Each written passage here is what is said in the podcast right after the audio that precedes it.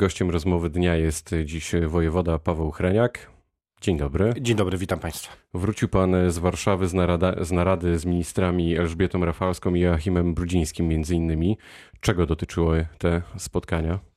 To są spotkania, e, na których e, omawiamy najważniejsze kwestie związane z administracją e, e, rządową. To są takie e, spotkania, na których wymieniamy się informacjami, również pozyskujemy nowe.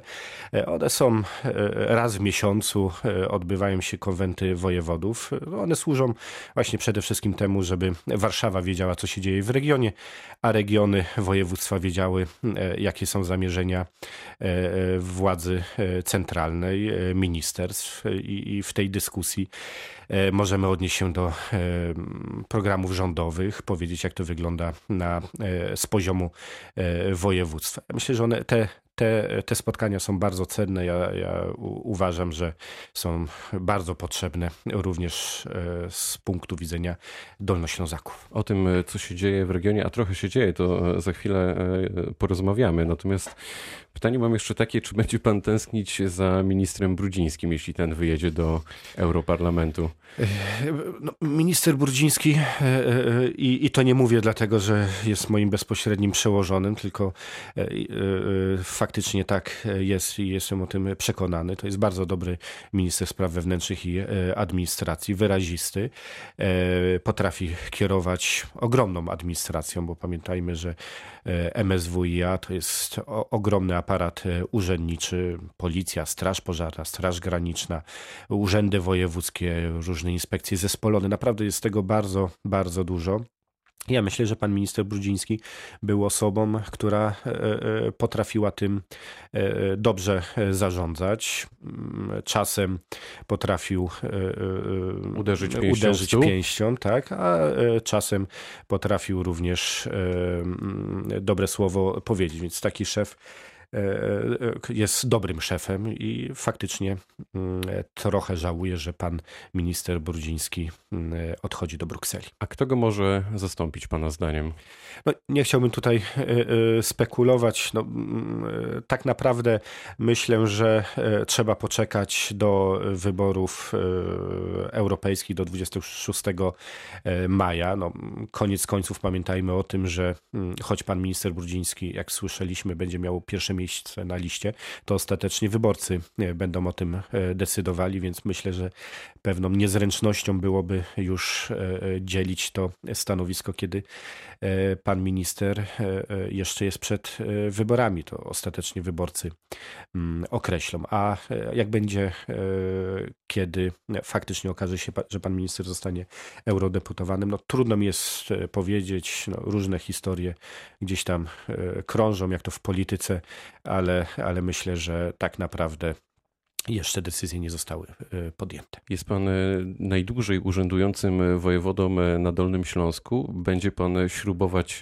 dalej ten wynik, czy może wojewoda Paweł Chreniak też będzie kandydować na przykład do Europarlamentu albo Parlamentu?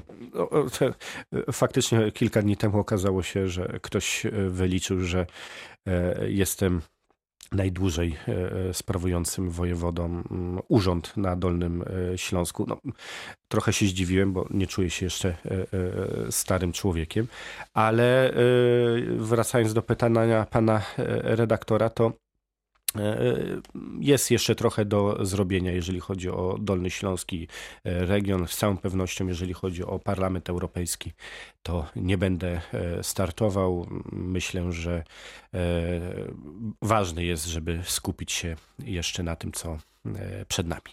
To wróćmy w takim razie na Dolny Śląsk. Ile trwa wyrobienie w tej chwili paszportu w Dolnośląskim Urzędzie Wojewódzkim?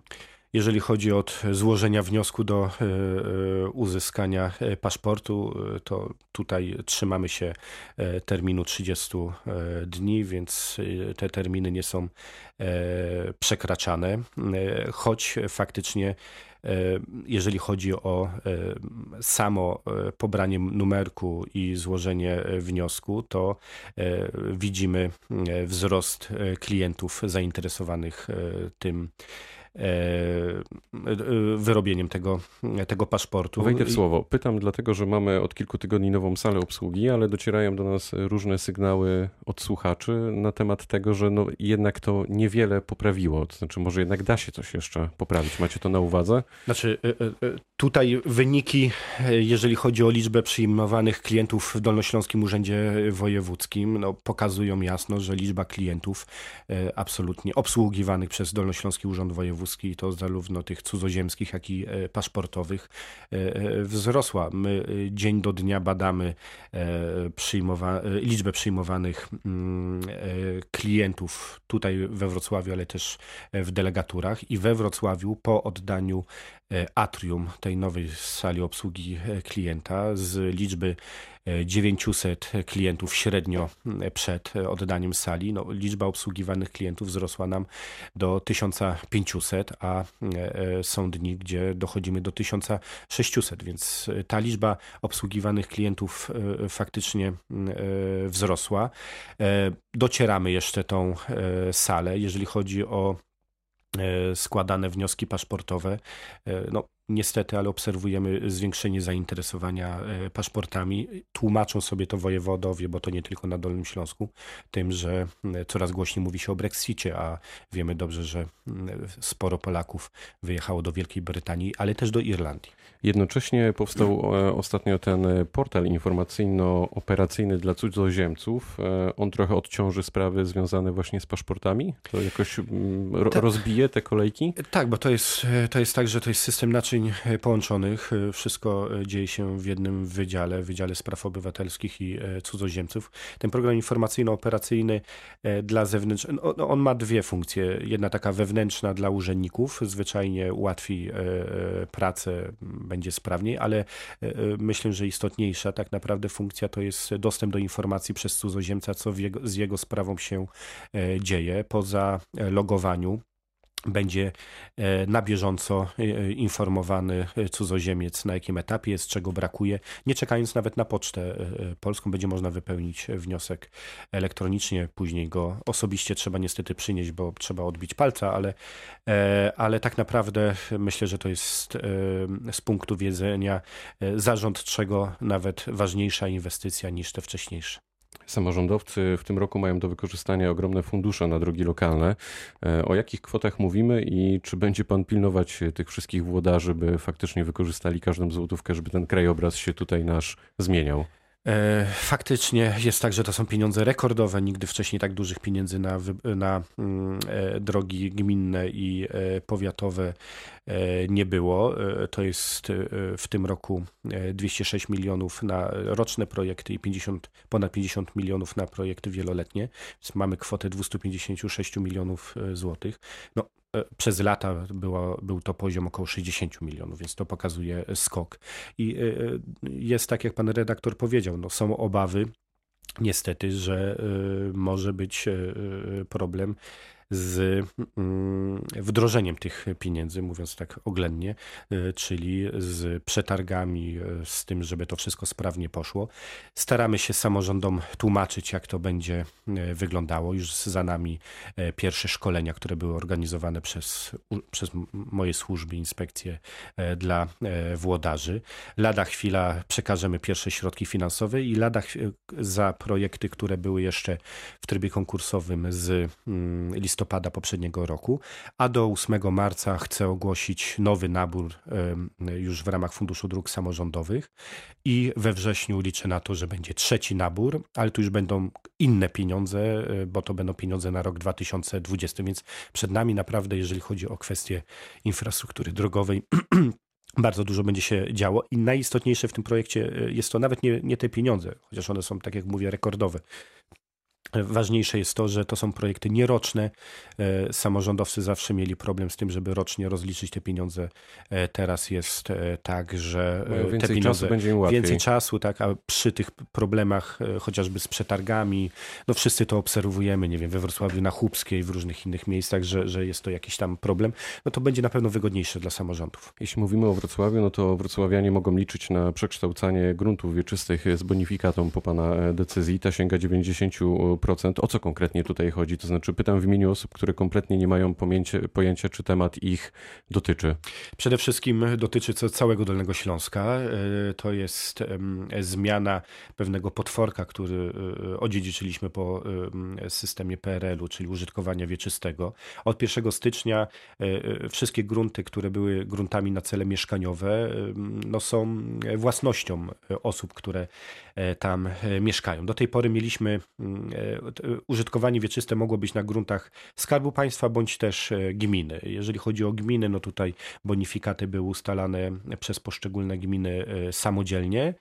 E, I to było różnie w różnych e, miejscach. Na Dolnym Śląsku, no, we Wrocławiu mamy bonifikatę przez Radę Miasta określoną na poziomie 90%, e, ale na przykład jest Głogów, który ma na poziomie 50%. A o jakiej skali mówimy e... mieszkańców? Ma pan takie dane? No we Wrocławiu i teraz tak, no, bo to jest niestety trochę bardziej skomplikowane, no i są drugie grunty, które i ta decyzja moja dotyczy tego. To są grunty użytkowanie wieczyste na gruntach Skarbu Państwa i ta decyzja moja o bonifikacji bonifikacie we Wrocławiu do poziomu 90%, a więc zrównania bonifikaty e, dla tych, którzy mieli na gruntach gminnych i gruntach Skarbu Państwa, właśnie dotyczy prawdopodobnie około 60 tysięcy osób e, we Wrocławiu, ale podobne uchwały, dzisiaj wiem, że e, już mam na, na biurku kolejne bonifikaty dla innych gmin na terenie naszego województwa. Tam jest ważna informacja, którą chciałbym też w tym momencie przekazać Dolnoślązakom, że jeżeli week. Ktoś nie chce skorzystać z tej bonifikaty,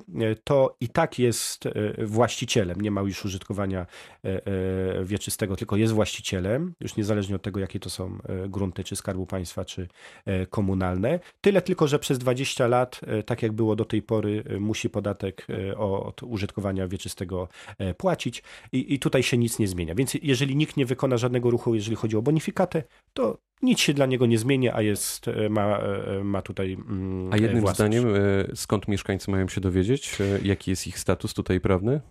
Bądź od gminy, bądź od starosty. Mm, jeżeli to jest grunt komunalny, to od wójta, burmistrza, bądź też prezydenta. Jeżeli to jest skarbu państwa, to od starosty. No w wypadku Wrocławia starosta i wójt, czy tam burmistrz to jest to samo, więc to jest prezydent. Czyli mieszkańcy powinni się zainteresować. Pytanie na koniec e, związane z obchodami e, z Narodowym Dniem Pamięci Żołnierzy Wyklętych. Co się będzie działo jutro u nas e, w regionie? Ja serdecznie zapraszam na obchody, które będą obchodami państwowymi. To jest święto państwowe na Osobowicach. Spotykamy się zresztą jak co roku w gronie kombatantów, co mnie bardzo cieszy, również młodzieży, czy ci wszyscy z Państwa, którzy tylko mogą serdecznie zapraszam na cmentarz Osobowicki, na kwaterę Łączki.